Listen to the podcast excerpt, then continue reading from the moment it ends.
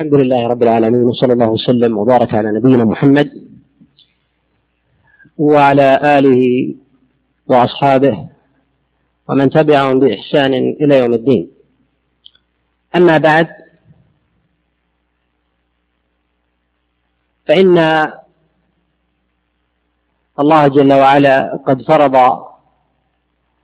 على الناس صيام رمضان. وأمر بالتهيؤ له بالعمل الصالح وإخلاص النية والصيام من جليل العبادات وأفضلها على وجه العموم ولهذا جعله الله جل وعلا ركنا من أركان الإسلام.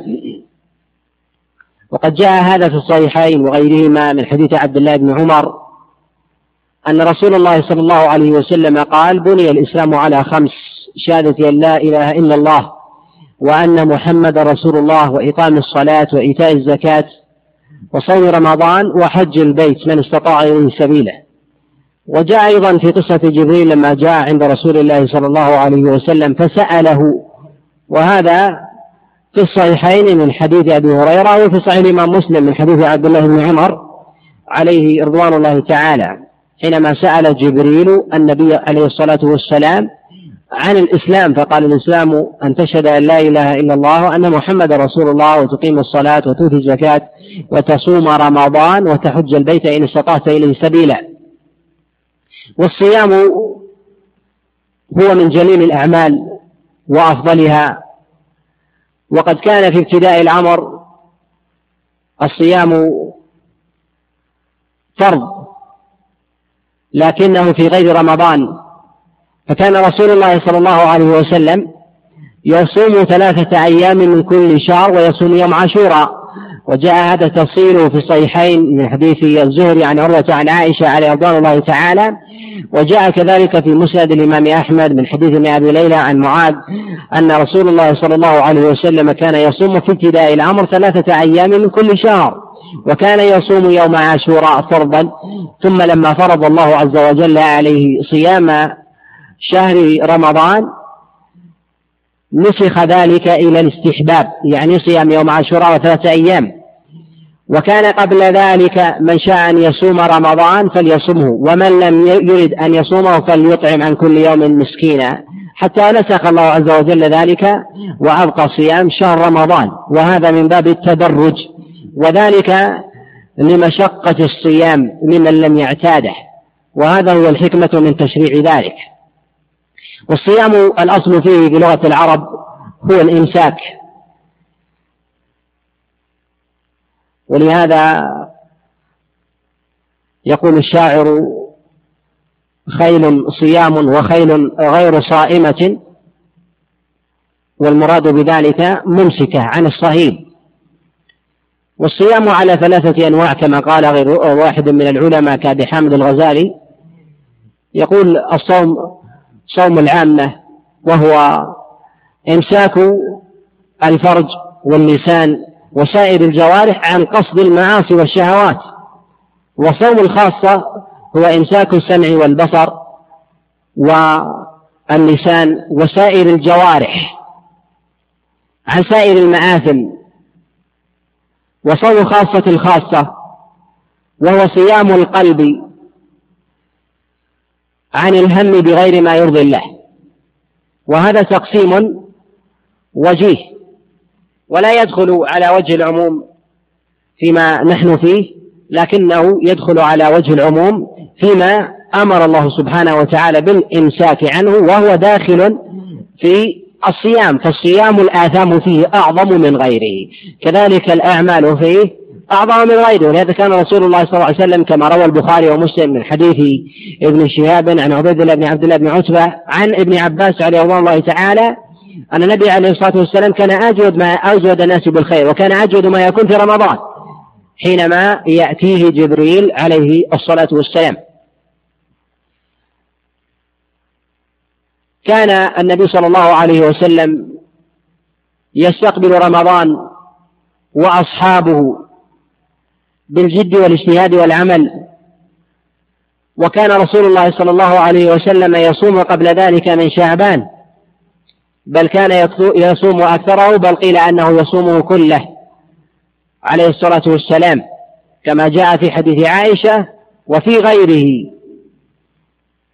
وكان عليه الصلاة والسلام يبشر أصحابه ويهنئهم بقدوم رمضان وروي في ذلك جملة من الأخبار. الضعيفة بالتهنئة بدخول رمضان. وما جاء في هذا الباب كله ضعيف كما نص على ذلك غير واحد من الأئمة كالعقيلي في كتابه الضعفاء وغيره. وقد روي في هذا الباب ثلاثة أخبار حديث سلمان الفارسي عليه رضوان الله تعالى وحديث عبد الله حديث أبي هريرة عليه رضوان الله تعالى وكذلك حديث عبد الله بن عباس وهذه كلها معلولة لا يصح منها شيء عن رسول الله صلى الله عليه وسلم. وكان عليه الصلاة والسلام يصوم قبل ذلك أي قبل رمضان في شعبان. وأما رجب فلم يثبت فيه شيء عن رسول الله صلى الله عليه وسلم أنه صامه أو أمر أحدا بصيامه وما جاء فيه في من فضل فهو معلول لا يحتج به. وأما ما رواه الإمام أحمد في مسنده والطبراني والبيهقي أن رسول الله صلى الله عليه وسلم قال اللهم بارك لنا في رجب وشعبان وبلغنا رمضان فلا يصح فقد رواه زائد بن أبي الرقاد عن زياد النميري عن أنس بن مالك عليه رضوان الله تعالى ولا يصح. فزيد بن أبي الرقاد قال فيه النسائي وكذلك البخاري منكر الحديث فقد أعل هذا الخبر العقيلي في كتابه في كتابه الضعفاء. وكان عليه الصلاة والسلام يصب من شعبان كله. وأما ما جاء فيه عن رسول الله صلى الله عليه وسلم أنه نهى عن استقبال عن الصيام بعد منتصف شعبان فلا يصح عن رسول الله صلى الله عليه وسلم فقد رواه الإمام أحمد. وأهل السنن من حديث العلاء بن عبد الرحمن عن أبيه عن أبي هريرة أن رسول الله صلى الله عليه وسلم قال إذا انتصف شعبان فلا تصوموا وهذا الخبر منكر قد أعله سائر الأئمة النقاد أعله عبد الرحمن بن مهدي فقد أنكره وكذلك أعله يحيى بن معين فقال منكر الحديث وأعله كذلك الإمام أحمد فقال ما روى العلاء بن عبد الرحمن عن أبيه عن أبي هريرة حديثا أنكر من هذا وأعله كذلك النسائي فقال لا نعرفه إلا من حديث العلاء بن عبد الرحمن عن أبيه عن أبي هريرة وقال في موضع آخر هذا خبر ليس بمحفوظ. وذلك أنه مخالف ما جاء عن رسول الله صلى الله عليه وسلم من أنه كان يصوم شعبان. وعليه يقال أن صيام شعبان سنة وينبغي الإنسان أن يكثر منه سواء كان في أوله أو في آخره. سواء كان في أوله أو في آخره سيان. وما يروى عن أصحاب رسول الله صلى الله عليه وسلم أنهم كانوا أنهم كانوا يدعون الله عز وجل ستة أشهر أن يبلغهم رمضان فإذا انصرم دعوا الله ستة أشهر أن يتقبل منهم صيامهم فهذا لا أعلم يصح عنهم وإنما هو مروي عن بعض السلف كما قاله المعلى بن فضل وغيرهم عن أصحاب رسول الله صلى الله عليه وسلم فليس فليس له أصل. وكان رسول الله صلى الله عليه وسلم يهنئ أصحابه كما تقدم. فالثانية بقدوم رمضان كأن يقول شهر مبارك ونحو ذلك فهذا فهذا لا بأس به. نص عليه الإمام أحمد والشافعي وكذلك الرجاء في كتابه اللطائف وإن لم يكن يثبت في هذا شيء عن رسول الله صلى الله عليه وسلم إلا أن أصل الثانية في هذا لا بأس بها في حصول مواسم الخير وحصول المسرات على الإنسان وإن كانت من التشريع. ولهذا قد جاء في الصحيحين وغيرهما أن رسول الله صلى الله عليه وسلم حينما هجر كعب بن مالك ومن معه لما نزلت براءتهم من السماء هنأوا أصحاب رسول الله صلى الله عليه وسلم بقبول الله جل وعلا لتوبته؟ وهذا أصل في قبول الثانية في الأعمال الخيرية. وقد صنف الإمام السيوطي عليه رحمة الله تعالى رسالة في ذلك سماها أصول الأماني بأصول التهاني ومال إلى أنه لا بأس بأن يهنأ الإنسان بحلول رمضان أو بغيره وهذا الذي عليه عليه الأئمة. وقد جاء كما تقدم في هذا جملة من الأخبار ما رواه ابن خزيمة منها من حديث علي بن زيد بن جدعان عن سعيد بن المسيب عن سلمان الفارسي أن رسول الله صلى الله عليه وسلم خطبهم في آخر يوم من شعبان فقال أتى أيها الناس أتاكم شهر عظيم. شهر في ليلة خير من ألف شهر. شهر جعل الله صيامه فريضة وقيام الليل تطوعا. من تقرب فيه من تقرب فيه بخير كان كمن أدى فريضة فيما سواه ومن أدى فيه فريضة كان كمن أدى سبعين فريضة فيما سواه. والخبر منكر كما قال ذلك أبو حاتم. و كذلك قد أعله العقيلي وعله ابن خزيمة أيضا حينما أخرجه في كتابه الصحيح فقال باب فضائل شهر رمضان. إن صح الخبر. وابن خزيمة عليه رحمة الله تعالى كما تقدم الكلام على هذه المسألة في عدة مواضع أنه إذا نص على حديث في ترجمته ثم قال إن صح الخبر أنه يريد إعلانا له. وهذا يحدث أن الفارس معلول معلول عند سائر الأئمة. وروي قيل أنه روي ما يشهد له وفي ذلك نظر ما رواه الإمام أحمد والنسائي من حديث أيوب بن أبي تميم السختياني عن أبي قلابة عن أبي هريرة بنحو بنحو حديث سلمان الفارسي وهو أيضا منكر فإن أبا قلابة لم يسمعه من أبي هريرة عليه رضوان الله تعالى. وكذلك قد رواه ابن ماجه في سننه من حديث من حديث عمران بن داور القطان عن قتادة عن أنس بن مالك عليه رضوان الله تعالى بنحو حديث أبي هريرة ونحو حديث سلمان. ولا يصح أيضا فهو معلول بمحمد بن بلال راويه عن عمران بن داور فإنه قد قال الدار قطني يهم ويغلط وكذلك قال ابن عدي في كتابه الكامل يهم ويغلب في روايته عن عمران وكذلك قد اعل بعمران فقد ضعفه غير واحد من الأئمة كالنسائي وابن معين وأبي داود. ووثقه جماعة. وعلى كل لا يثبت في الثانية بدخول رمضان خبر عن رسول الله صلى الله عليه وسلم. ولا حرج من إطلاق رمضان مجردا على شهر الصيام من غير الحاقه بشهر. وهذا الذي عليه عمل عامة الأئمة من الفقهاء والمحدثين وهو عمل السلف الصالح عليهم رضوان الله تعالى. وذهب بعضهم إلى كراهة إطلاق رمضان على شهر الصوم من غير من غير أن يسبق بشهر. ولا يثبت في ذلك نهي عن رسول الله صلى الله عليه وسلم. وغاية ما جاء ما رواه ابن أبي حاتم في تفسيره من حديث محمد بن بكار عن أبي معشر عن محمد بن كعب والمقبري عن أبي هريرة أنه قال لا تقولوا رمضان فإن الله فإنه اسم من أسماء الله ولكن قولوا شهر رمضان. وهذا الخبر منكر فقد تفرد به أبو معشر وهو وإن كان إماما آه، في آه، السير ويروي عن أبيه إلا أن تفرده هذا مردود. ولهذا قد أنكر هذا الخبر ابن عدي في كتابه الكامل وقد قال أبو داود في تفسير قد قال ابن كثير عليه رحمة الله تعالى في تفسيره قد أنكر هذا الخبر ابن عدي على أبي معشر وهو جدير بالإنكار فإنه قد وهم وغلط فيه فرفعه إلى رسول الله صلى الله عليه وسلم وعلى كل لا يثبت مرفوعا ولا يثبت موقوفا. وبناء عليه قد كره بعض السلف من الأئمة وغيرهم أن يجمع رمضان. إما سواء كان بجموع التفسير أو جموع المؤنث السالم كان يقال رمضانات أو رماضين أو أرمضة. أو أرمضة وغيرها صاب أنه يجوز أن يجمع على أي وجه على أي وجه كان وأنه ليس بأسماء الله عز وجل. ولهذا ذهب البخاري عليه رحمة الله تعالى إلى جواز ذلك. كما ترجم في كتابه الصحيح قال باب ما يقال رمضان. ثم أورد فيه قول النبي صلى الله عليه وسلم من صام رمضان إيمانا واحتسابا غفر له ما تقدم من ذنبه. وهذا نص عن رسول الله صلى الله عليه وسلم بإطلاق رمضان من غير أن يسبقها كلمة شهر. وكذلك في قوله عليه الصلاة والسلام كما في حديث أبي هريرة في الصحيحين وغيرهما لا تقدموا رمضان بصيام يوم ولا يومين ولم يقل شهر وإن كان قد روي بعض الأجل عن بعض الأجلة من الأئمة كراهة ذلك فقد روي هذا عن غير واحد من الأئمة كالقاضي أبي يعلى من الحنابلة كما نص عليه كما نص عليه ونقله عنه جماعة من الفقهاء أنه يرى كراهة إطلاق كلمة رمضان من غير قرينة كأن يقال صام الرجل رمضان أو من غير أن يسبقها كلمة شهر وقد ذكر النووي عليه رحمة الله تعالى في كتابه المجموع عن أصحاب الإمام مالك أنهم كرهوا ذلك. وفي هذا النقل نظر فإنما هو موجود في مصنفات المالكية هو عدم الكراهة. وهذا الإطلاق هذا الإطلاق فيه نظر ومن نظر إلى عمل السلف من الصحابة والتابعين وأئمة الإسلام وجد أنهم يتسامحون يتسامحون في ذلك.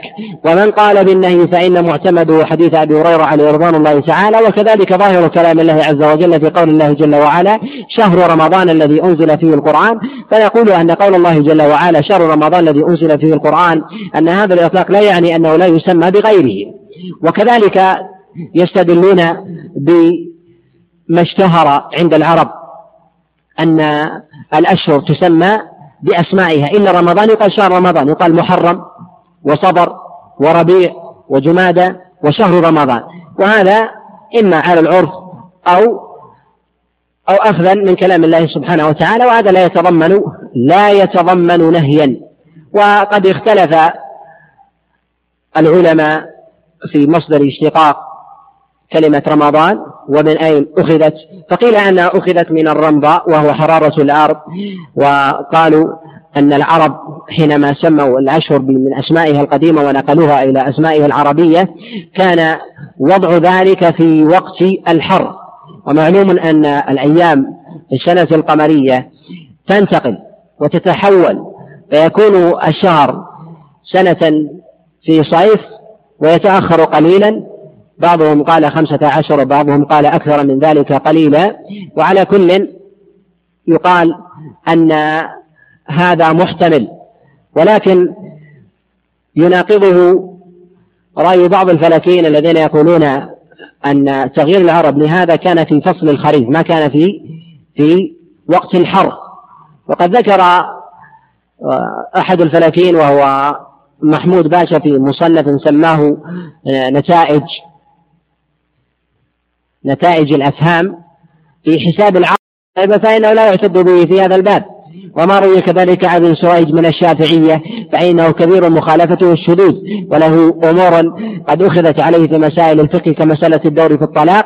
كأن يقول الرجل لامرأته كلما طلقتك فأنت طالق. فهذا قول لا يعتد لا يعتد به وهذه بدعة إنما أحدثها ابن سريج من الشافعية.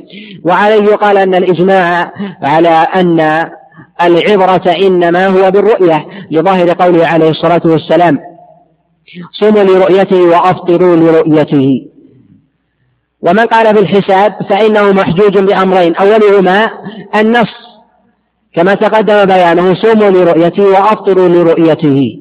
الأمر الثاني بالعقل والنظر وذلك أن الله سبحانه وتعالى إنما فرض الصيام بالرؤية وعلاقه بالرؤيا وكذلك ما جاء عن رسول الله صلى الله عليه وسلم في هذا الباب كما في حديث الحسين بن الحارث عن رجل من من, أهل مكة ويأتي الكلام عليه وقد اعل بما لا يعل. أن النبي عليه الصلاة والسلام حينما علق الأمر بالرؤيا علقه بما يدركه الناس سائرهم ولم يعلقه بما يفهمه قلة من الناس من حساب وهو نحو ذلك. يدركه الرجل في بلد نائي ويدركه الراكب في البحر ويدركه آه الذي يسكن آه في البراري من أهل البوادي وغيره ويدركه كذلك الحاضرة. وهذا أمر مفروض على الأعيان لا يتعلق به بحساب أناس أو بأمر لا يعرفه إلا القلة.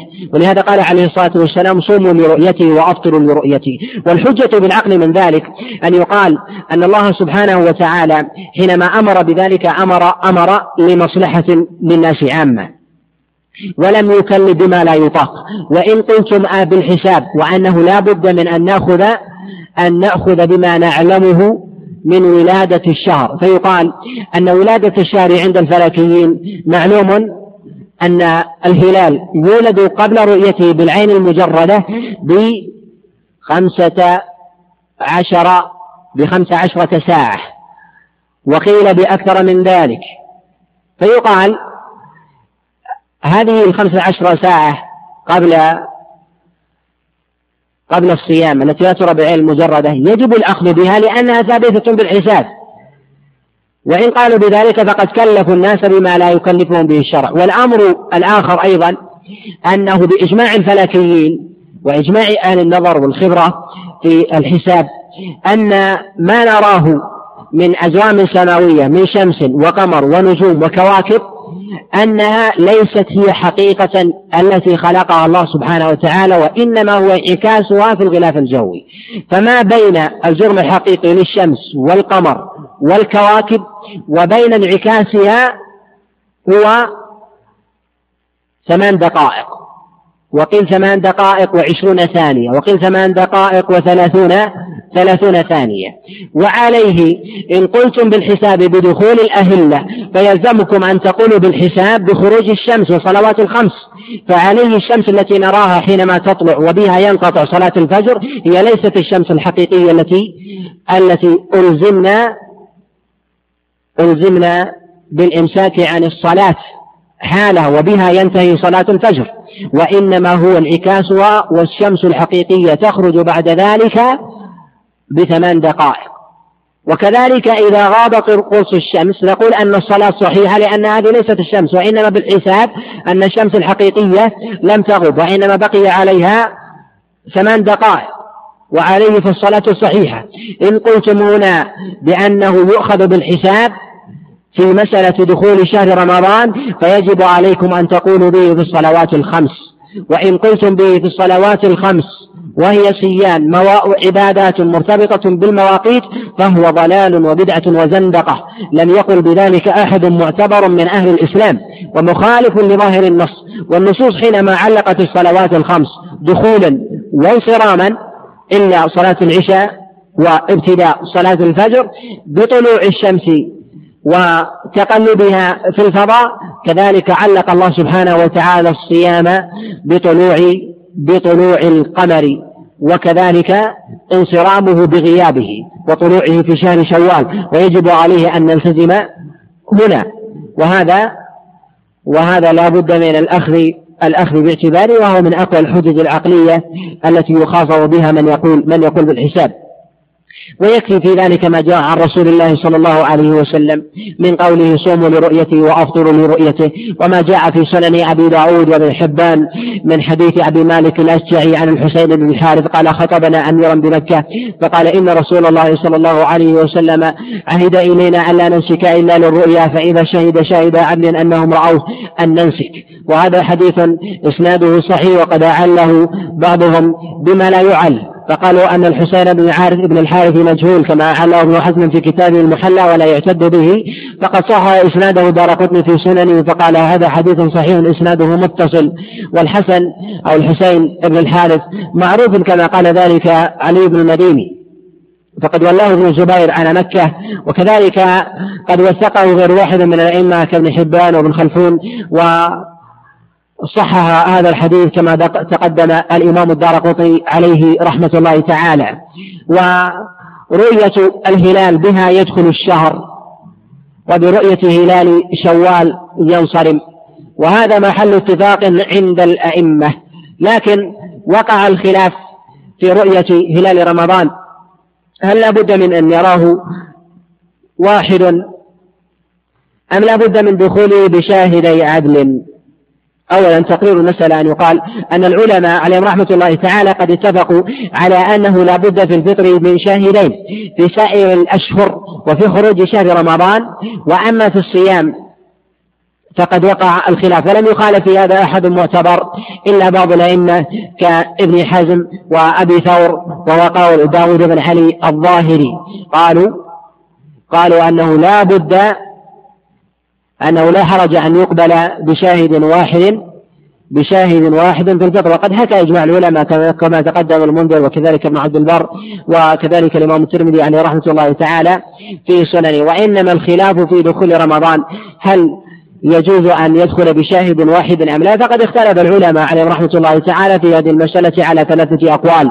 ذهب الإمام أحمد وكذلك مروي عن الإمام الشافعي عليه رحمة الله تعالى إلى أنه أن صيام رمضان يدخل بشاهد واحد ولا حرج في ذلك وأما انصرامه فبشاهدين وهو الذي عليه عامة العلماء واستدلوا بما جاء عند الإمام أحمد وكذلك أبي داود وغيرهما من حديث أبي بكر بن نافع عن نافع مولى عبد الله بن عمر عن عبد الله بن عمر أنه قال ترى الناس الهلال فرأيت الهلال فأخبرت رسول الله صلى الله عليه وسلم أني رأيته فصامه عليه الصلاة والسلام وأمر الناس بصيامه. قالوا وهذا شاهد. أخبر النبي عليه الصلاة والسلام بشهادته فصام وأمر الناس بصيامه. وهذا الخبر قد أعل. فإنه يرويه أبو بكر بن نافع عن نافع مولى عبد الله بن عمر عن عبد الله بن عمر عن رسول الله صلى الله عليه وسلم. وهذا الحديث يرويه محمد بن بلال عن عبد الله بن وهب عن عبد الله بن يحيى بن سالم. عن أبي بكر بن نافع عن نافع عن عبد الله بن عمر. وقد اعل بن بلال فإنه قد تفرد به كما قال ذلك الإمام الدار قطني وكذلك الإمام البيهقي عليه رحمة الله تعالى في سننيهما.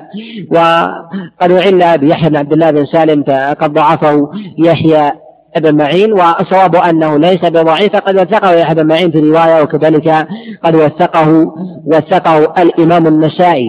وروي عنه أنه قال مستقيم الحديث وقد طعن فيه ابن حبان فقال ربما ربما يغرب.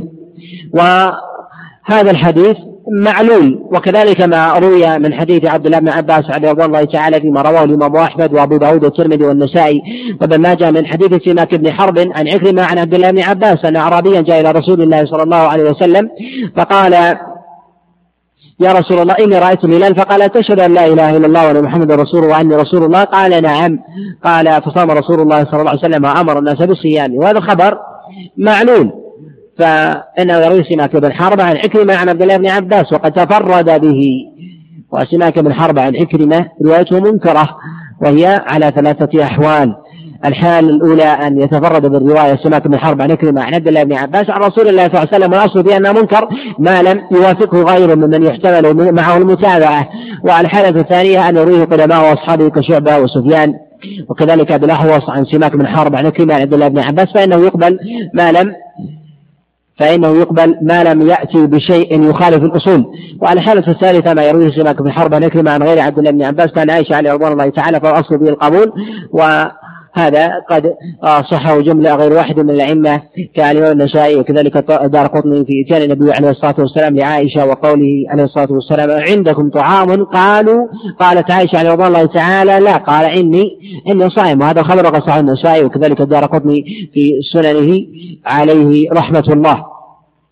والقول الثاني ذهب جمهور العلماء إلى أنه لا بد من شاهد عدل وهذا قد ذهب إليه الإمام مالك وسفيان الثوري والليث والأوزاعي وإسماعيل بن علية وجماعة إلى أنه لا بد من شاهد عدل لعموم النصوص عن رسول الله صلى الله عليه وسلم كما تقدم في حديث الحسين بن الحارثي عن عن أمن آه، أخبره عن النبي عليه الصلاة والسلام كما تقدم الإشارة إليه وأنه وأنه صحيح.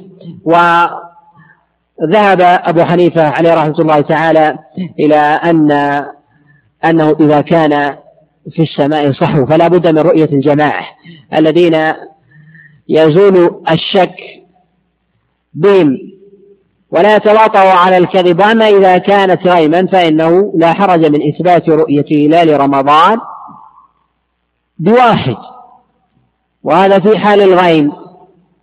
ولا حرج على الإنسان أن يصوم قبل رمضان لكنه لا يصوم لا يصوم يوم الشك عمدا إلا إذا كان له صيام كان يصوم. ولهذا يقول النبي عليه الصلاة والسلام كما في حديث أبي هريرة عليه رضوان الله تعالى كما في الصحيحين أن رسول الله صلى الله عليه وسلم قال لا تقدم رمضان بيوم ولا يومين إلا صوما كان يصوم أحدكم. كان يكون الإنسان يصوم الاثنين والخميس أو يصوم ثلاثة أيام من كل شهر. فتأخر صيامه وأراد أن يصوم لكن أن يتعمد صيام يوم الشك فلا يجوز ذلك. لقوله عليه الصلاة والسلام لقول عمار رضي الله تعالى قال من صام الذي اليوم الذي يشك فيه فقد عصى أبا القاسم. وهذا وهذا في الصحيح. حمله جمهور العلماء على على التحريم وذهب جماعة إلى الكراهة وذهب بعضهم إلى جواز الصيام يوم الغيب. وذهب إلى هذا الإمام أحمد عليه رحمة الله تعالى وهو قول عبد الله بن عمر عليه رضي الله تعالى وقد صنف غير واحد من الأئمة في هذا مصنفات في جواز الصيام يوم الشك إذا كان يوم غيب. وذهب إلى هذا عبد الله بن عمر خلافها. ولكن قد روي عن عائشة رضي الله تعالى ما يشير إلى ذلك وفيه وفيه ضعف. ويجب لكل عمل نية. لقول النبي عليه الصلاة والسلام إنما الأعمال بالنيات كما في الصحيحين وغيرهما من حديث عمر الخطاب عليه رضوان الله تعالى. أن النبي عليه الصلاة والسلام قال إنما الأعمال بالنيات وإنما لكل امرئ ما نوى أي إنما قبول الأعمال وردها بالنية. وقد جاء عن رسول الله صلى الله عليه وسلم ما رواه الإمام أحمد وأبو داود والترمذي والنسائي وابن ماجه من حديث حفصة عن عبد الله من حديث عبد الله بن عمر عن حفصة رضي الله تعالى أن رسول الله صلى الله عليه وسلم قال لا صيام لمن لم يبيت النية من الليل. وهذا الخبر لا يصح رفعه عن رسول الله صلى الله عليه وسلم والصواب فيه أنه موقوف. قد تفرد به عبد الله ابن أبي بكر عن الزهري عن سالم عن عبد الله بن عمر عن حفصة عليه رضوان الله تعالى وقد رواه عن عبد الله بن أبي بكر جماعة رواه الليث بن سعد وعبد الله بن وهب وسعيد بن أبي مريم ويحيى بن أيوب رواه عن عبد الله بن أبي بكر عن الزهري عن سالم عن عبد الله بن عمر عن حصة عليه رضوان الله تعالى مرفوعا وخولف فيه عبد الله بن أبي بكر.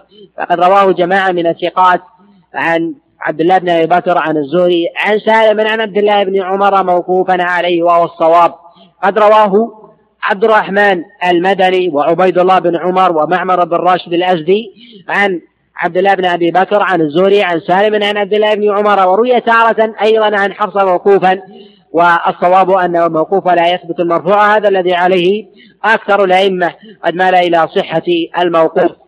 الترمذي أنه قال الموقوف على حفصة أشبه وكذلك قد روي قد روي عن الإمام النسائي عليه رحمة الله تعالى أنه قال الموقوف صح لكن قد مال الدار قطني عليه رحمة الله تعالى في سننه إلى صحة إلى صحة المرفوع. فقال في السنن قد رواه مرفوعا عبد الله بن أبي بكر عن الزهري عن سالم عن عبد الله بن عمر عن حفصة عن رسول الله صلى الله عليه وسلم. وعبد الله بن أبي بكر من الثقات الرفع وافقه على ذلك الإمام البيهقي عليه رحمة الله تعالى في سننه. وعلى كل فإن هذا الخبر لا يصح مرفوعا ويكفي ويغني عنه قول النبي عليه الصلاة والسلام إنما الأعمال بالنيات. وإنما تعلق بعض الأئمة بهذا الخبر لأنهم يرون أن من لم يبيت الصيام من الليل لا لا يصح منه الصيام. فإذا طلع الفجر ولم يصم فإنه فإنه يجب عليه القضاء.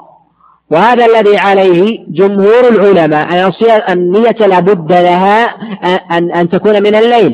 وذهب أبو حنيفة إلى أنه لا بأس من النية بالنهار. لا بأس من النية بالنهار واستدل بما جاء في الصحيحين من حديث سلمة بن الأكوع عليه رضوان الله تعالى أن رسول الله صلى الله عليه وسلم أمر مناديا أن ينادي من كان صائما. اليوم فليتم صومه. ومن كان مفطرا فليمسك فإن اليوم عاشوراء. وقال فهذا في حال فرض عاشوراء. والنبي عليه الصلاة والسلام أمر بالإمساك نهارا. فيقال أن هذا لا دليل عليه لا دليل فيه. فإن سلم الأكوع رضي الله تعالى روى ذلك عن رسول الله صلى الله عليه وسلم في حين أن الله جل وعلا ما فرض صيام يوم عاشوراء وما علموا إلا نهارا. أي أولئك الناس فأمر النبي عليه الصلاة والسلام بهم.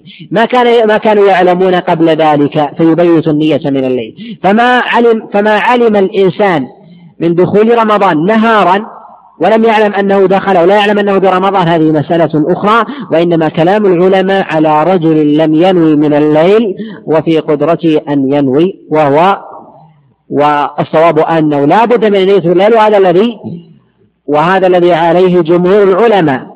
على خلاف عند العلماء أيضا في مسألة النافلة ويأتي ويأتي الكلام عليه.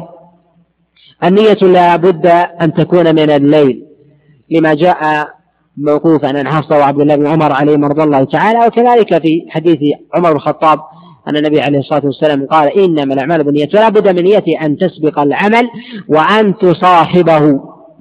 وإذا خرج النهار عليه ولم ينوي ولم ينوي فإن فإن صيامه غير صحيح.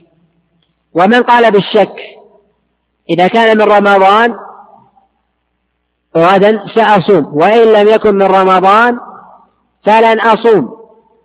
يقال إن التردد بالنية غير جائز إذا علم الإنسان أما إذا شك فهل يصح منه ذلك أم لا؟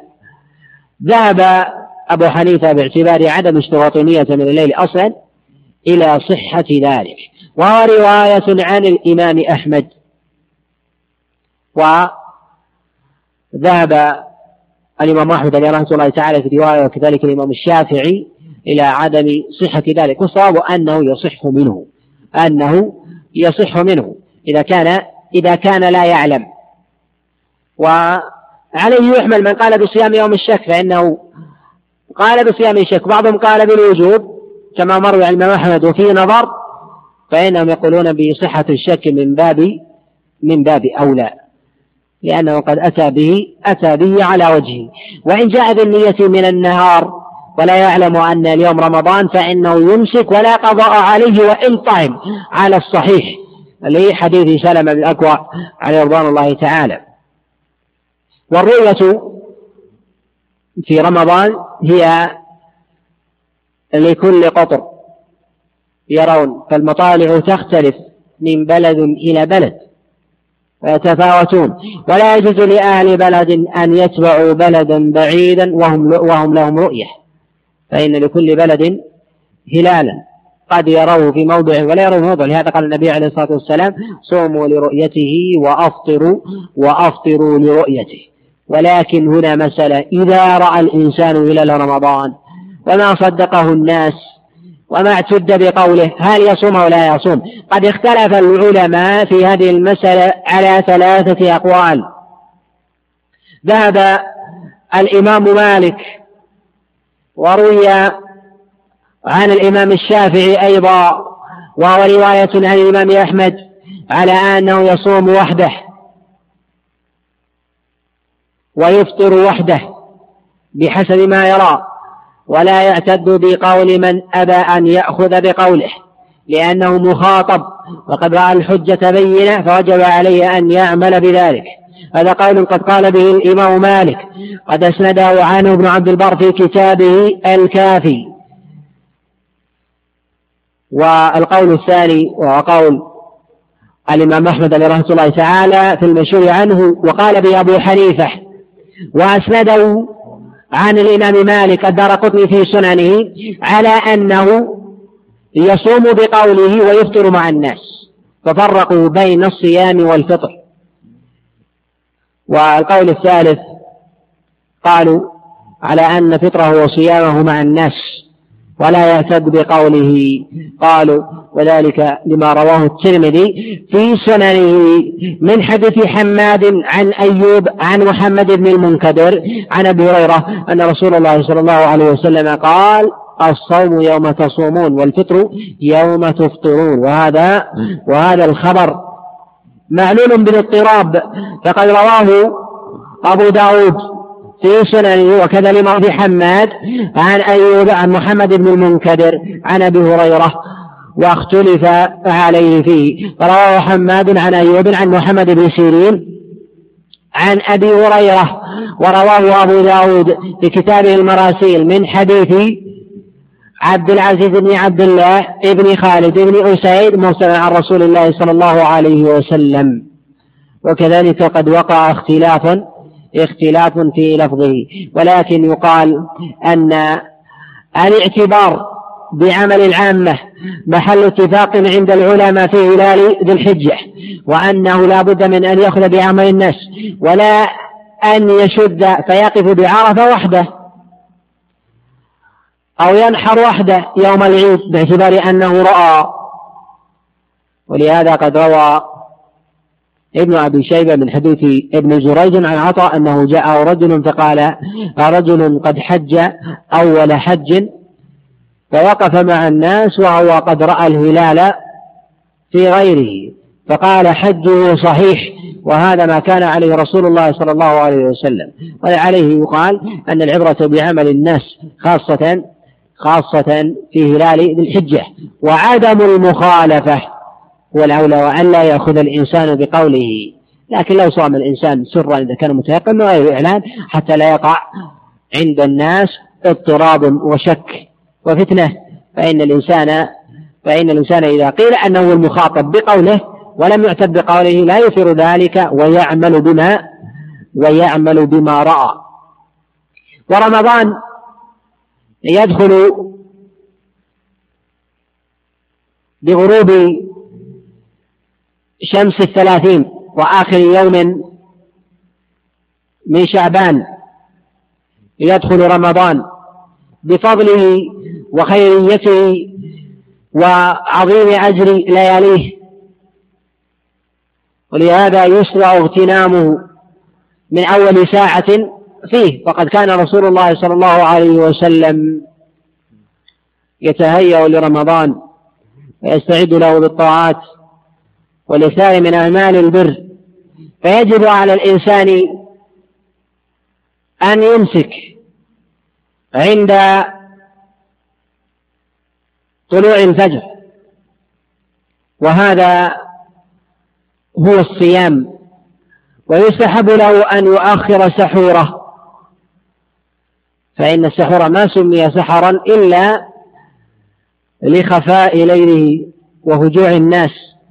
ولهذا سمي سحرا لاختفاء من أراد أن يختفي فيه. ولهذا يسمى السحر سحرا لخفائه ولطف سببه. ويسمى السحر سحرا وهو الملئ الذي يجري فيه الطعام لأنه يخفى على الرائي. تقول عائشة رضي الله تعالى كما في الصحيحين توفي رسول الله صلى الله عليه وسلم بين سحري ونحري. بين سحري ونحري. فكلما تأخر كان أفضل. وقد جاء في الصحيحين من حديث أبي حازم عن سهل أن رسول الله صلى الله عليه وسلم قال لا تزال أمتي بخير. ما عجلوا الفطر؟ زاد بعضهم فيه وآخر السحور وهو منكر. لا يثبت في حديث سهل عليه رضوان الله تعالى وتأخيره أفضل.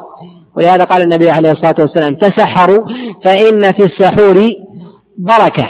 والمراد بالبركة هنا ما يجعله الله عز وجل للإنسان من إعانة وتوفيق وتسديد أي أنه يبارك له من نشاط وعمل في في نهاره. ومن لا يتسحر فإنه يكون في نهاره كسلانا يميل إلى الراحة والدعة وفي هذا تثاقل عن أعمال أعمال الخير والبر والطاعة ومن كان يطعم واستعد للصيام بالسحر فإنه فإنه يكثر من الطاعات ويكون قويا نشيطا. منشرح النفس قوي قوي القدرة على الأعمال الصالحة من ذكر ودعاء وقراءة القرآن وغير ذلك. والإمساك يكون يكون بطلوع الفجر. إذا طلع الفجر وجب على الإنسان أن يمسك وطلوع الفجر يكون بدخول صلاة الفجر. وأما ما رواه الإمام أحمد وأهل السنن من حديث حماد عن محمد بن عمرو عن أبي سلمة عن أبي هريرة على رضوان الله تعالى أن رسول الله صلى الله عليه وسلم قال إذا أذن المؤذن وفي يد أحدكم إناء فلا يضع حتى يقضي حاجته منه فهو خبر منكر. قال أبو حاتم في كتابه العلل ليس بصحيح. وإذا أذن المؤذن وجب عليه أن يمسك ولو كان بيده الإناء. وقد روي بعض الأخبار في هذا ولا يثبت منها شيء. من ما رواه الإمام أحمد من حديث ابن لهيعة عن أبي الزبير عن جابر بن عبد الله أنه جاءه رجل فقال يؤذن المؤذن وفي يده إناء. قال إن سمعنا أن رسول الله صلى الله عليه وسلم يقول يشرب وهذا الحديث في إسناد ابن لهيعة ولا ولا يصح حديثه ولا يحتج به. وكذلك ما رواه الإمام أحمد من حديث الحسين بن واقد عن أبي غالب عن أبي أمامة عليه رضوان الله تعالى أن رسول الله صلى الله عليه وسلم رأى عمر بن الخطاب عليه رضوان الله تعالى بعد الأذان وفي يده إناء فسأل رسول الله صلى الله عليه وسلم يشرب أم لا؟ فقال اشرب.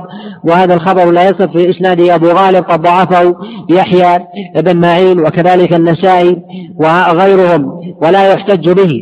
وكذلك قد روى ابن جرير الطبري في تفسيره من حديث أبي هريرة عليه رضوان الله تعالى ومن حديث عبد الله بن عباس وكذلك قد رواه العقيلي في كتابه الضعفاء من حديث ابن جريج عن عطاء عن عبد الله بن عباس ولا يصح وروي من حديث بلال عند الإمام أحمد من حديث شداد مولى عياض ابن عبد الله وكذلك تابعه عليه عبد الله بن معقل كلاهما عن بلال عليه رضوان الله تعالى عن رسول الله صلى الله عليه وسلم بنحوه ولا يصح ففي إسناده ففي إسناده انقطاع. وكذلك قد روى البزار في مسنده من حديث توبة ابن الربيع عن أنس بن مالك عليه رضوان الله تعالى أن النبي عليه الصلاة والسلام وأبو بكر وعمر كان يأكلان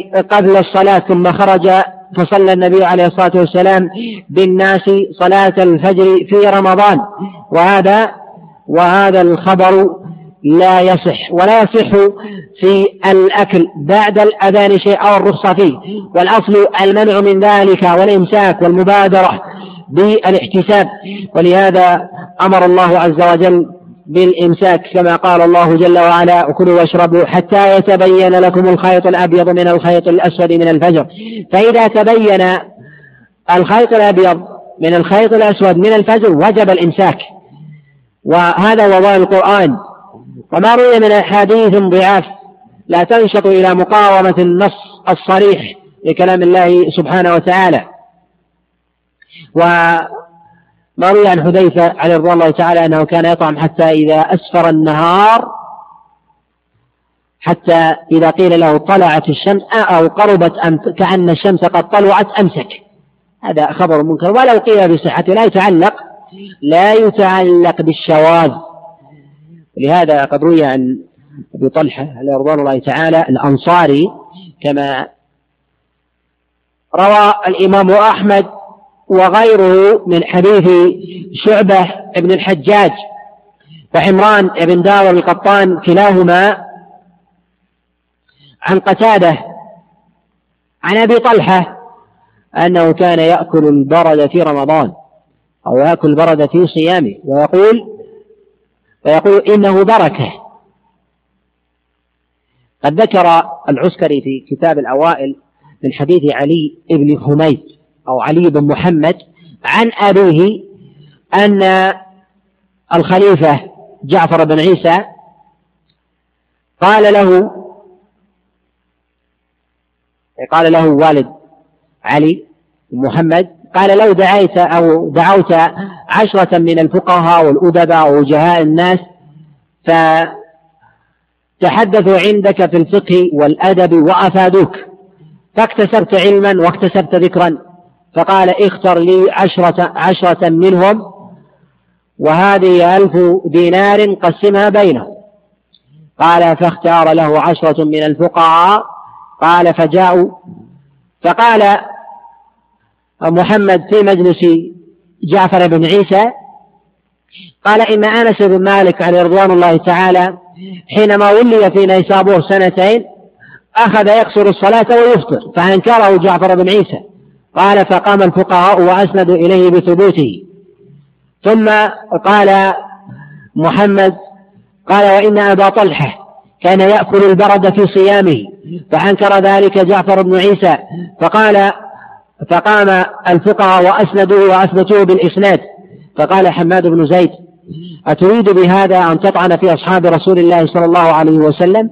فقال لا أريد أن أطعن بأصحاب رسول الله صلى الله عليه وسلم ولكني أريد أن أبين خطأك فيما ترويه عن رسول الله صلى الله عليه وسلم. إن أصحابي كالنجوم بأي مقتديتم اهتديتم. وأن مراد رسول الله صلى الله عليه وسلم بذلك فقهاء الصحابة كأبي بكر وعمر وعثمان. وابن مسعود وغيرهم فربما تعلق بقولك بعض من لا يؤخذ بل بعض من لا يعرف الفرق بين أصحاب رسول الله صلى الله عليه وسلم من جهة الأخذ والعلم وما ربما يخالفونه لعدم ورود الدليل فيأثم فتأثم بإثمه. وأن ما يورد عن بعض أصحاب رسول الله صلى الله عليه وسلم مما يقولونه مما يجتهدونه لا يخلو من حالين. يعني فيما يخالفون به النص. الحالة الأولى أن يكون علم النبي عليه الصلاة والسلام بذلك فأرشدهم إليه. فلا يجوز الأخذ بقولهم على الإطلاق ولا ريب في ذلك. كالثلاثة الذين جاءوا إلى رسول الله صلى الله عليه وسلم وقالوا وقال أحدهم إني لا أتزوج النساء وقال إني لا آكل وغير ذلك. النبي عليه الصلاة والسلام بين لهم الصواب. وهؤلاء وإن كانوا صحابة قالوا قالوا بمخالفة الدليل فأرشدهم النبي عليه الصلاة والسلام. الحالة الثانية أن لا يبلغ النبي عليه الصلاة والسلام ذلك. وهذا لا يخلو من أحوال أن يكون في المسألة نص صريح. فلا يعتد بقول أحد. ولهذا قد روي عن جماعة من الصحابة عليهم رضوان الله تعالى ما يخالف دليل أو لم يكن عليه أصل والأصل على خلافه. كما جاء عن أبي طلحة رضي الله تعالى هنا وهو محتمل ومتعول وكذلك عن عبد الله بن عمر عليه رضي الله تعالى في غسل إدخال الماء في عينيه في الغسل. وكذلك عن حذيفة بن اليمان عليه رضوان الله تعالى آه، هنا. وكذلك بإلزام بعض الصحابة عليهم رضوان الله تعالى بالتمتع وغيره. أن مثل هذا يعتذر لهم ولا ولا يقال أن قولهم ذلك سنة. فما خالف صراحة للدليل لا يعتد بقوله. وإن كان من الصحابة لأن العبرة بالوحي من الكتاب من الكتاب والسنة. لكن إذا اشتهر قول الصحابي عليه رضوان الله تعالى. وكان الصحابة شاهدون وكانهم أطبقوا عليه فإن هذا يكون شبه إجماع. وإن كان واحدا وهذا مرتبط بشهرة القول عن الصحابي. فإذا اشتهر ومعرفة الشهرة أن يرويه عنه جماعة من أصحابه أو يقولوا في ملأ. وبعض الفقهاء وهذه مسألة ينبغي أن نتنبه لها. بعض الفقهاء حينما يريد قولا للصحابي يقول قال فلان بن فلان كذا كابن عباس أو ابن عمر. ولا يعلم له مخالف من الصحابة وهذا إجماع سكوتي. نقول إجماع سكوتي كيف يثبت أنه إجماع سكوتي وأنت تعلم أنه لم يروي عنه من أصحابه إلا فلان ولم يروي عن فلان إلا واحد. فأثبت صورته وأن الصحابة علموا به ثم قل إجماعا سكوتيا. ولهذا قد روي عن جماعة من الصحابة أقوال يخالفه جماعة آخرون. وروي عن بعضهم أقوال لم يحمل إلا واحد من أصحابه. من ذلك ما يحتج به جماهير الفقهاء آه، كما جاء في المصنف وكذلك عند الطيالسي وغيره من حديث سعيد بن جبير عن عبد الله بن عباس رضي الله تعالى أنه قال في من ترك شيئا من نسكه أو نسيه فعليه دم يعني في الحج. يقول هذا قول مشهور لا يعلم له مخالف مع أنه لم يروي عن عبد الله بن عباس الا سعيد بن جبير وأصحابه كثر ولا نقدح بثبوته وإنما نقدح باشتهاره ولم يشتهر عن عبد الله بن عباس رضي الله تعالى أو قاله بمجالس ونحو ذلك وانتقد عليه أو أنه وافقه عليه غيره. وما يوافق فيه الصحابي الصحابة وعلم أنه قاله في ملأ ولو كان واحد ولم يذكر موافقة فإنه يكون إجماعا كما رواه ابن منذر في مسألة الإنصات حال سماع الأذان أو الترديد مع المؤذن هل هو واجب أم لا؟ بعض الفقهاء يقول أنه واجب. نعم ظاهر عمل الصحابة أنه مستحب بل الذي أراه أنه بالإجماع على أن متابعة المؤذن ليست بواجبة. بإجماع الصحابة وأن الإنصات ليس بواجب بل مستحب. الدليل على ذلك ما رواه ابن منذر حديث عثمان بن عفان عليه رضي الله تعالى قال كان عثمان بن عفان إذا صعد المنبر يوم الجمعة وقام المؤذن يؤذن أخذ يسأل الناس عن أحوالهم.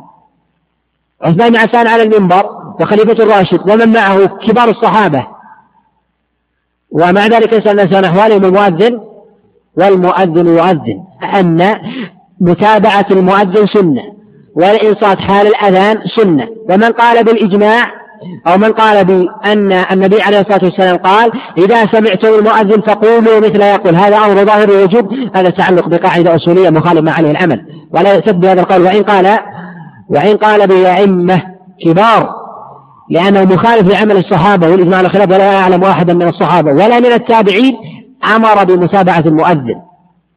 وإنما هو مستحب وفضله معلوم. وسؤال النبي عليه الصلاة والسلام هو وسيلة لكن كل هذا لا يعني مسألة الوجوب. ونحن نريد أن نفرق هنا بين أعمال الصحابة عليهم رضوان الله تعالى بين أن يحتج إمام أو فقيه بقول لابن عباس وقول لابن عمر لم يروي عنه إلا واحد ولا يعلم الحل التي هو عليه ثم يقول هذا إجماع سكوتي وبين إجماع ظاهر جلي فعل على منبر وغير ذلك دل عليه الدليل بإسناد صحيح عن صحابي كبير وحضره أئمة متوافرون والجمعة تشهد من آه، الكبار والصغار ومع ذلك لم يخالف فيدل على أن أن هذا يكون هو الإجماع السكوتي وإن لم يكن ثمة إجماع سكوتي فلا فلا ثمة وإن لم يقل لم يكن هذا الإجماع سكوتيا فلا يوجد إجماعا سكوتيا على الإطلاق. ويجب الإمساك. وأصل الصيام هو الإمساك عن المفطرات. وقد أكثر الفقهاء من ذكر المفطرات وأنواعها حتى بلغ بعضهم قد بعض الفقهاء وذكر ستين مفطرا. وهذه مبالغة.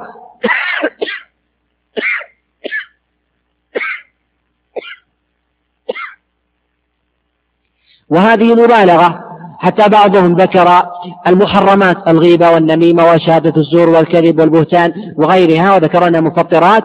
قالوا أن الله سبحانه النبي عليه الصلاة والسلام يقول آه من لم يدع قول الزور والعمل به والجهل فليس لله حادث بأن يدع طعامه وشرابه. قالوا فالغيبة تفطر. وقد روى ابن حزم الأندلسي في كتابه المحلى من حديث الهيثم عن ثابت عن أنس بن مالك أنه قال قال رسول الله صلى الله عليه وسلم الغيبة تفطر الصائم وهو خبر منكر لا يعول عليه. وأمثل ما جاء في هذا الباب موقوف على إبراهيم النخعي من حديث الأعمش عن إبراهيم النخعي أنه قال كانوا يقولون الغيبة تفطر الصائم. وما قال فيه إبراهيم النخعي كانوا يفعلون أو كانوا يقولون فالمراد به أصحاب عبد الله بن مسعود. روى ابن أبي خيثمة في كتابه التاريخ من حديث الأعمش عن إبراهيم النخعي أنه قال ما قلت لكم كانوا يفعلون فهو ما أجمعوا عليه. إذا يحكي الإجماع هنا. أي أن الغيبة تفطر الصائم. ويريد هنا أصحاب عبد الله بن مسعود. يقول شيخ الإسلام ابن تيمية عليه رحمة الله تعالى في شرح العمدة والمراد بالتفطير هو نقصان الأجر لا تفطير الصائم. في طبقات الحنابلة للقاضي ابن أبي يعلى ذكر عن الإمام أحمد أنه سئل الغيبة تفطر الصائم؟ قال لو كانت الغيبة تفطر الصائم ما كان لنا صوم. ما كان لنا صوم. لكن يقال أن المراد بنقصان بالتفطير هنا في قول إبراهيم هو نقصان نقصان الأجر والثواب. وكلما أذنب الإنسان في أثناء عمل الخير كلما نقص الخير. والأجر والثواب وكلما أمسك كلما عظم عظم أجره عند الله سبحانه وتعالى. وهذا كما أنه في الصيام في سائر العبادات في الحج في الصلاة. كلما شاء الإنسان وسهى وصرف قلبه وكثرت حركته في الصلاة قل أجره ما بطلت صلاته إلا بمبطل يدل عليه الدليل. وأصل ما يجب على الإمساك فيه الأكل والشرب الطعام ما يدخل الجوف. ولو كان قليلا ودقيقا. وقد اختلف العلماء في مسألة الأكل مع اتفاقهم على الأصل أن الأكل والشرب يفطر الصائم قد اختلفوا في مسألتين. المسألة الأولى أكل ما دق. كحبة السوداء مثلا أو قطعة يسيرة بحجم الذر ونحو ذلك إذا أكلها الإنسان هل تفطره أم لا؟ ذهب الجمهور إلى التفطير لأنها من جملة الأكل ويدخل الجوف. وأغرب أبو حنيفة إلى أن ما دق وكان دون الحمصة أنه لا يفطر. قالوا فإذا أكل حبة سوداء أو شونيس أو غيره أنه لا يفطر ولا يجب عليه القضاء وفي هذا نظر. ويقال أن مثل هذا التحديد بحاجة إلى دليل. فلماذا لا يفطر بحمصة ثم يفطر بحمصتين أو حمصة ونصف يفطر بحبة سوداء واحدة ولا ويفطر باثنتين وما الضابط في ذلك؟ يقال كل مطعوم يفطر بالإنسان. وإن دق. المسألة الثانية وهي ما وجد من طعام بين أسنان الإنسان بعد أكله.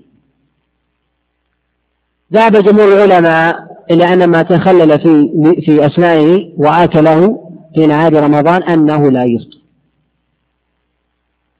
ولا حرج عليه. وهذا الذي ذهب إليه الجمهور. ذهب إليه أبو حنيفة وكذلك الإمام مالك ورواية الإمام أحمد مشهورة. وذهب بعضهم إلى أنه يفطر. وقال بذلك الإمام أحمد في رواية. قالوا أنه كالطعام. يقول ابن حزم الأندلسي في كتابه المحلى قال وما في فم الإنسان هو في جوفه ولا يتصور. أن يسمى أكلا إلا إذا كان من خارج فمه ثم دخل فيه. وما دخل فيه لا يتصور أن يكون طعاما إلا إذا خرج. وإذا خرج لا يتصور إلا أن يكون قيئا أو عذرة وعليه يقال أن ما دخل في فم الإنسان من طعامه الذي أكله.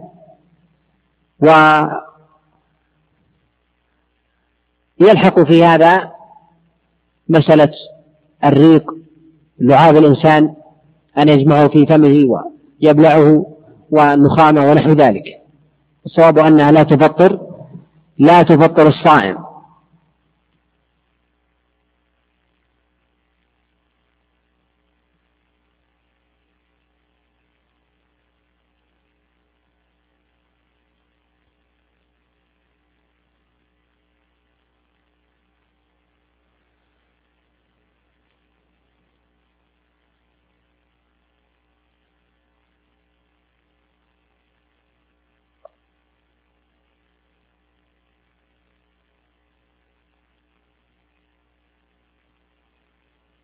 يقول رجل تسحر في رمضان وفي أثناء أكله أذن الفجر.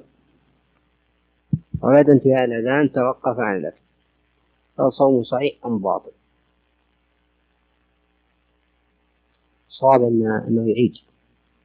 صومه غير صحيح. يقول يقول أن الوقت متقدم قليلا خمس دقائق. إذا كان الوقت متقدم عبرة بالوقت ليس عبرة بالأذان. قد يخطئ المؤذن وقد يصيب. نتكلم على وقت دخل. يقول رجل أفطر قبل أن يسافر بساعة في الرياض ثم سافر إلى مكة هل عليه شيء لابد أن يفطر أثناء السفر. آه هذا يجب عليه أن يعيد إذا أفطر قبل أن يسافر. وهذا الذي عليه عامة العلماء وهذا يتبرع عن مسألة آه من أدركه رمضان ثم أراد أن يسافر. دخل على الإنسان رمضان وهو مقيم ثم سافر. هل له أن يفطر؟ أم لا؟ هذا أصل الخلاف وما بعده يتفرع عنه. الله عز وجل يقول فمن شهد منكم الشهر فليصم. أي من شهد الشهر مقيما وجب علينا صومه كاملا. وهذا قول بعض السلف. ذهب الأئمة الأربعة. إلى أن من أدركه رمضان وهو مقيم وجب عليه أو وجب عليه صيام حل إقامة وإن سافر ولو من نصف اليوم لا حرج عليه لا حرج عليه أن أن يفطر. وروي عن بعضهم بعض الأئمة وهذا مروي عن عبيدة السلماني ولاحق بن حميد بن مجلس و مروي عن علي بن أبي طالب وفيه ضعف. على وعائشة أيضا. أن من أدركه رمضان في حال الإقامة لا يجوز له أن يفطر في أي يوم من رمضان ولو كان مسافرا ولو سافر في أثنائه. وهذا قول آه لبعض السلف وهو قول مرجوح.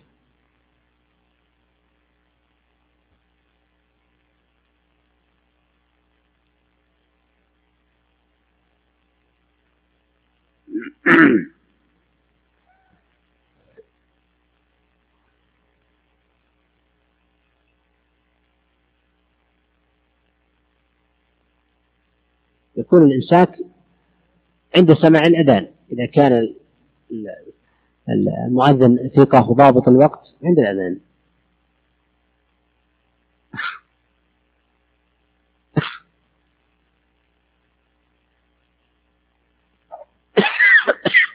يقول من الصائمين من يتمضمض ويبقى في حلقه قطرات من ماء.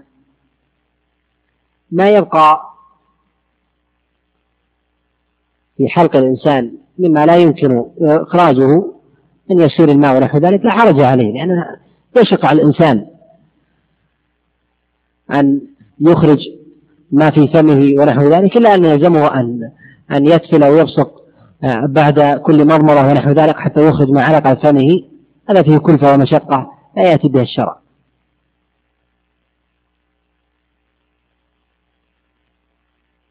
يقول هل يجوز استخدام الفرشاة المعجون إذا كان المرء صائم؟ نعم يجوز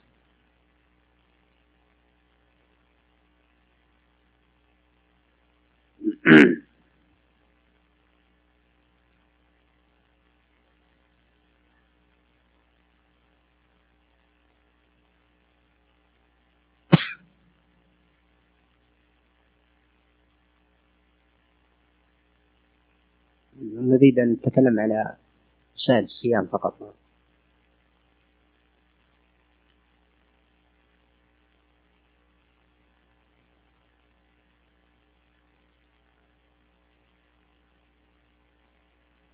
يقول إذا لم يرى الهلال.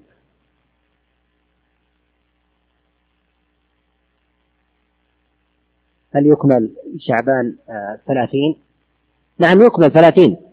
النبي عليه الصلاة والسلام يقول صوموا لرؤيته وأفطروا لرؤيته فإن غم عليكم فتقدروا له. وفي رواية فأكملوا العدة ثلاثين.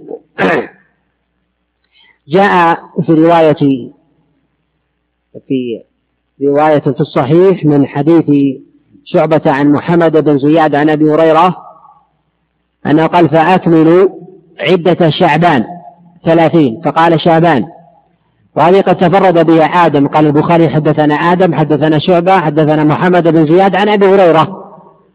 وهي من مفردات آدم ولعل إما آدم يكون شعبة قد رواها بما حفظه من مراد النبي عليه الصلاة والسلام. وبهذا قد احتج من قال بأنه يصام يوم الشك بقوله فاقدروا له. قالوا فاقدروا أي ضيقوا والتضييق يكون بحساب الأقل. والمراد بتقدر له أن يعطوه قدره وقدر الكمال وهو الثلاثين. ومن قال ضيقوا له وجه من لغة من في اللغة لكن ليس له وجه شرعي مخالف للدليل. ووجه لغوي هو تقدر له أي ضيقوا عليه. كما قال الله عز وجل وقدر في السرد أي وضيق. وقوله جل وعلا فقدر عليه رزقه أي ضيق عليه.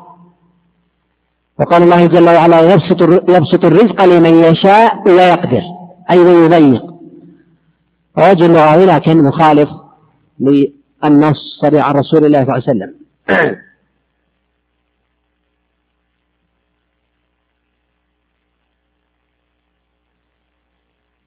عندما يأتي رجل يخبرنا بدخول رمضان هل يعتبر الشهاده خبر؟ خبر الا إلا إذا راه بعينه.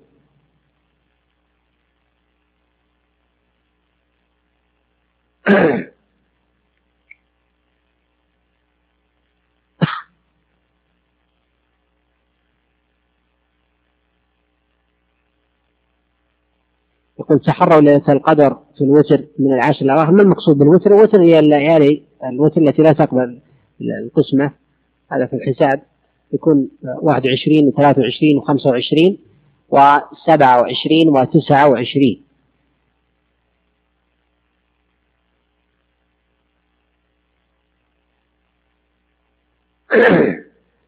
يسألون عن المفطرات هذه كلها يأتي الكلام عليه. لا نريد أن نكرر المسائل لأن في الغد بإذن الله عز وجل نتم آه، ما قصدناه من ذكر المفطرات وبعض المستحبات. ولو أجبنا على كل أسئلة لا حدث تكرار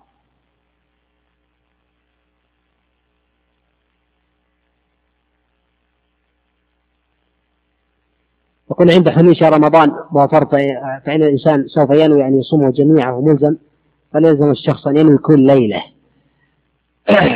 إذا علمنا أن الله عز وجل أمر بالنية لكل عمل وفي رمضان قد دل الدليل بخصوصه وهو من جملة الأعمال هذا يلزم النية لكل ليلة؟ قد اختلف العلماء في هذه المسألة على عدة أقوال. ذهب المالكية وقال أبي حنيفة إلى أنه لا حرج أن ينوي عن كل رمضان بنية واحدة خلافا لأحمد فإنه قال لكل ليلة. أصابنا نية واحدة فيكفي العلم أن غدا من رمضان أن يكون نوى.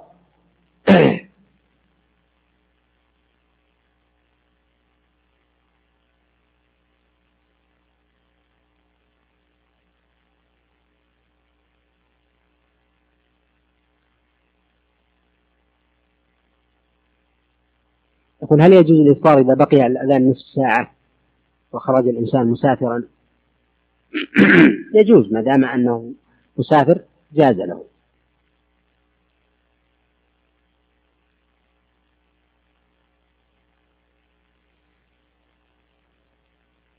هل يجوز صوم السبت والأحد في شعبان؟ نعم يجوز. حديث صيام يوم السبت نعم صيام السبت.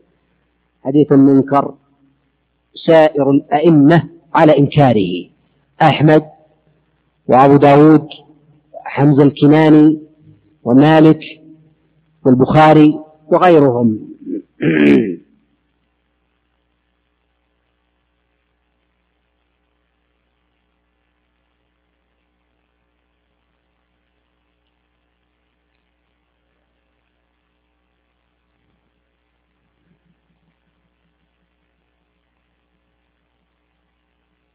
يقول إذا جاء رمضان هل أنوي جهرا أم في القلب؟ الجهر بالنية لا يستحب بل بدعة في أي عمل أيا كان. حتى في الحج يجهر بالنسك لا يجهر بالنية. وأما قول لبيك اللهم عمرة هذا جار بالنسك ليس جارا بالنية. فلا أعلم أحد قال بمشروع الجار بالنية لما يروى عن الإمام مالك كما أسنده عنه ابن خزيمة عن ربيع بن سليمان المرادي المصري عن الإمام الشافعي في الجهر بالنية بالصلاة.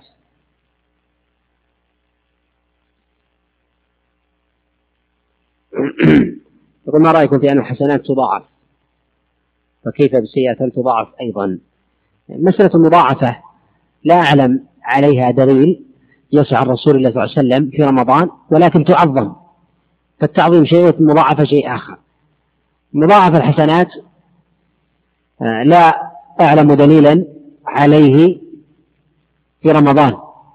وما جاء في حديث سلمان الفارسي من تقرب فيه من آه، من تقرب فيه بفريضة كان كمن أدى فريضة فيما سواه في نافلة كان كمن أدى فريضة فيما سواه من أدى فيه فريضة كان كمن أدى سبعين فريضة لا يصلح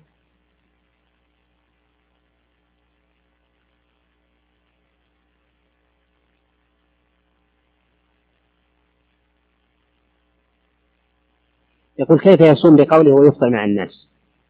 أرجو التوضيح. يعني هذا يقصد لعله في مسألة في مسألة شخص رأى الهلال وحده وما أخذ الناس بشهادته.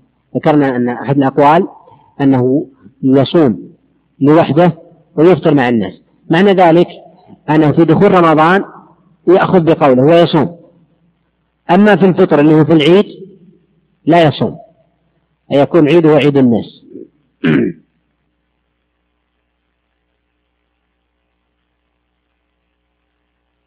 يقول الراجح فيها هل يؤخذ الشاهد الواحد من اثنين. الأقرب أنه يكتفى بواحد.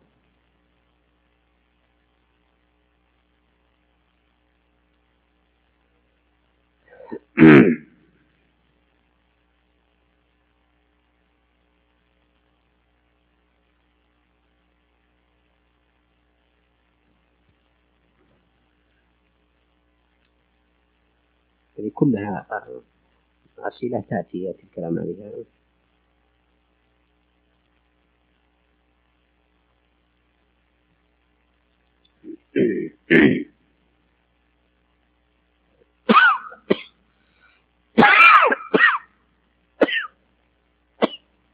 يقول هل السواك المعطر وذلك ما يجوز. إذا بقي بعضه طعمه في الفم يعتبر مفطر؟ لا.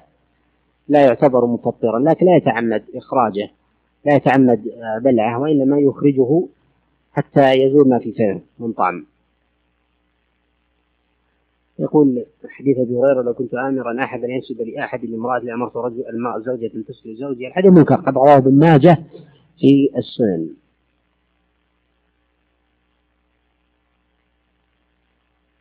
يقول لقد استدللتم هذا سائل من كندا يقول لقد استدللتم بأحاديث كثيرة من سنن البيهقي الذي يعد بيت المناكير.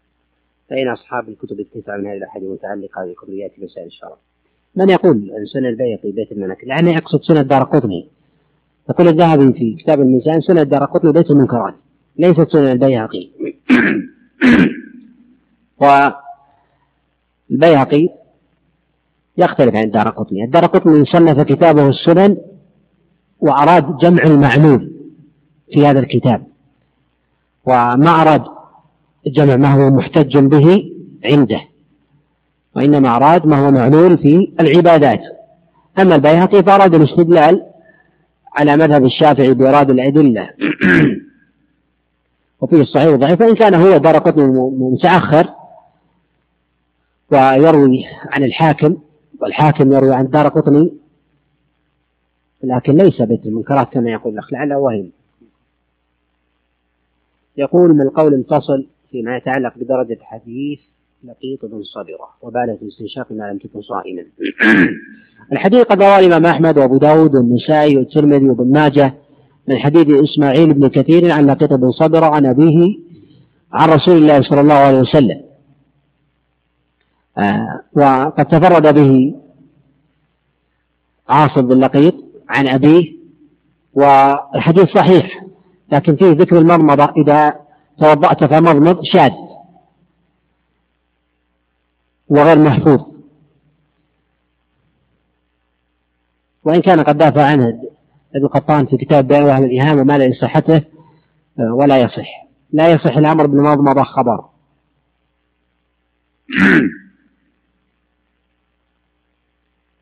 يقول إذا صامت بعض الدول شرق كندا فمن باب أولى أن يرى أن يرى الهلال في كندا. هذا والله أعلم قاعدة عامة.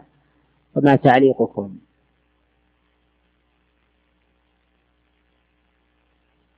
إذا ما كان شرط البلد ورأوا الهلال لا يلزم منه أن يرى من جاء بعده لكنه في الأغلب.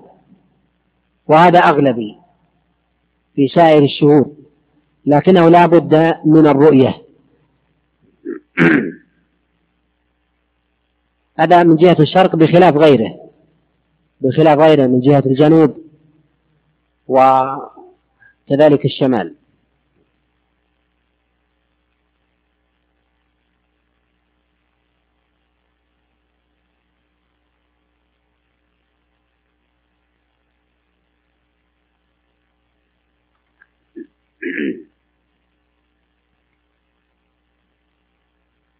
يقول إذا شاهد الهلال من الحجة يليق بعرفة لا.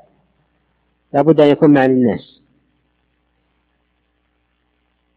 يقول من نوى السفر ثم نوى الإفطار ثم عدل عن السفر هل يكون مفطرا أم لا؟ هذه مسألة وهي إذا نوى الإنسان الإفطار أو نوى فعل المفطر هذه مسألتين. إذا نوى الإفطار ولم يفطر